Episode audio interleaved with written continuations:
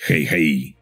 Trzeba przyznać, że Sithowie stanowią bardzo ciekawy temat w uniwersum Gwiezdnych Wojen. Ba, przecież to na ich knowaniach opiera się większość historii w naszym ulubionym uniwersum. Dopiero teraz, w nowym kanonie, schodzą oni na nieco dalszy plan, bo i Kylo Ren nie jest nazywany Sithem i Inkwizytorzy, ale też w dziełach Wysokiej Republiki Sithowie nie stanowią głównego przeciwnika. Dobrze to czy źle? Nie wiem. W obecnym kanonie historia Sithów nie jest tak rozbudowana, jak to było w legendach. Jeśli miałbym wymienić kilku Sithów z legend, o których warto znać, na mojej liście na pewno pojawiłby się znany z serii Dziedzictwo Darth Krayt.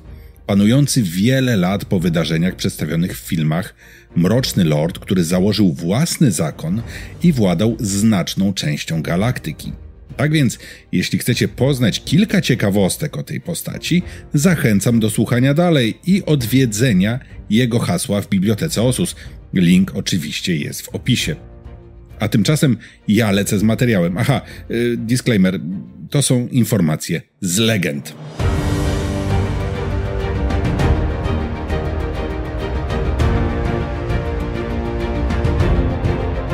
Ciekawostka numer jeden. Darth Krayt urodził się jako Asharat Het 25 lat przed wybuchem wojen klonów, czyli, jak łatwo policzyć, 47 lat przed bitwą o Yavin. Był synem Jedi. Jego ojciec został zabity przez Aure Singh, a młody Het poszukiwał na niej zemsty, co było no, niezgodne z kodeksem Jedi.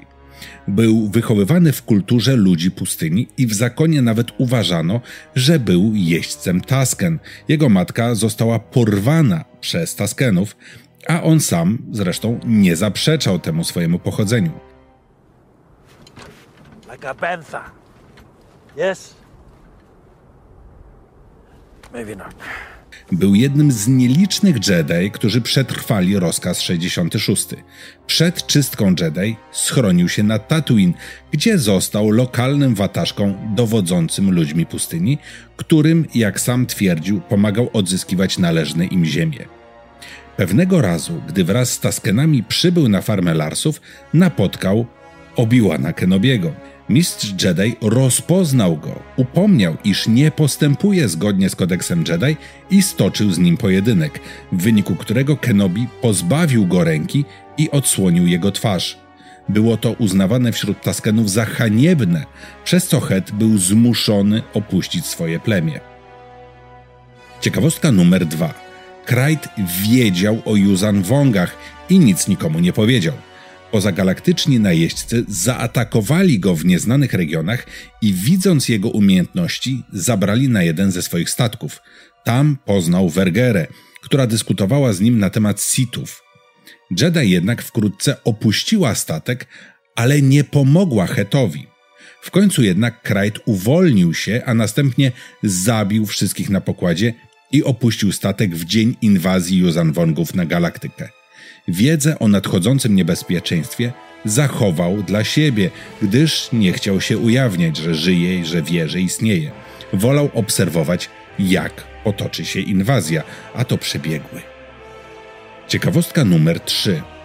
Jakiś czas po ucieczce od Yuzan Wongów, Krajt udał się na Korriban. Zabrał grupę swoich popleczników i założył nowy zakon Sithów, którego został przywódcą. Chciał nawet, by dołączyła do niego Lumia, lecz ta odmówiła. Zamiast tego jednak skupiła na sobie uwagę Jedi, dzięki czemu zakon Krajta mógł rozwijać się niezauważony. Następnie pogrążył się w głębokim, wieloletnim transie, mającym na celu spowolnienie rozwoju implantów, które zyskał w niewoli u Yuzan Wongów. W czasie transu jego polecenia były przekazywane dzięki mocy lordom o imieniu Darth Warlock. Tak, nie pomyliłem się. Lordów o takim imieniu było trzech. W końcu jednak ciało zaczęło zawodzić Krajta i wiedział, że nie będzie żył wiecznie. Postanowił jednak przed śmiercią ukształtować galaktykę według swojej wizji, która zawierała całkowitą anihilację nowego zakonu Jedi. Któż by się spodziewał, prawda? Kolejny zły, który chce zabić Jedi. Ciekawostka numer 4. Około 130 lat po bitwie o Jawin udało mu się przejąć kontrolę nad galaktyką i zabić większość żyjących wtedy Jedi. zwróćcie uwagę na długowieczność Krajta. Tak tylko wspominam, że przy nim Palpatine żyjący 30 lat po bitwie o Endor w epizodzie 9 jest słabym leszczem. Ironic. W każdym razie ciało Krajta zaczęło mieć coraz większe problemy, przez co zdesperowany Krajt udał się na Korriban, gdzie wezwał duchy dawnych mrocznych lordów Dartha Bane'a, Nihilusa i Adedu. Bane zdołał za swojego życia podporządkować sobie pasożytniczą zbroję z orbalisków. Nihilus zawarł swoją esencję życiową w zbroi, a Undeadu, według legendy, miał podtrzymywać swoje funkcje życiowe nawet po biologicznej śmierci swego ciała. Dawni lordowie byli mu jednak nieprzychylni. Bane oskarżył go o odejście od zasady dwóch, Darth Nihilus powiedział coś, czego Krajt nie zrozumiał, a Adedu transformował jego zbroję w istotę przypominającą smoka Krajt. Mroczny Lord, wiedząc, że niczego się nie dowie, opuścił ich.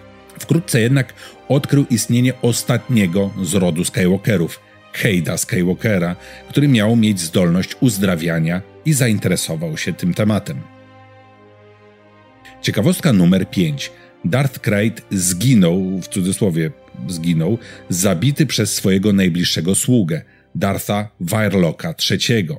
Hargianin dobił Krayta, który przeżył walkę z Cade'em Skywalkerem i jego towarzyszami.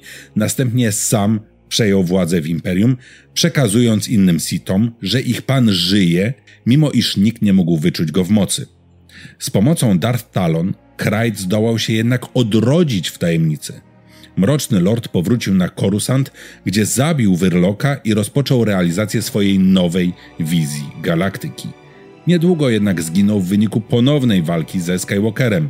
Próbował ratować się jeszcze używając techniki transferu esencji, lecz nie udało mu się przejąć kontroli nad Jedi, a statek z jego ciałem został skierowany wprost do słońca Coruscant, gdzie doczesne pozostałości Krajta zostały ostatecznie unicestwione.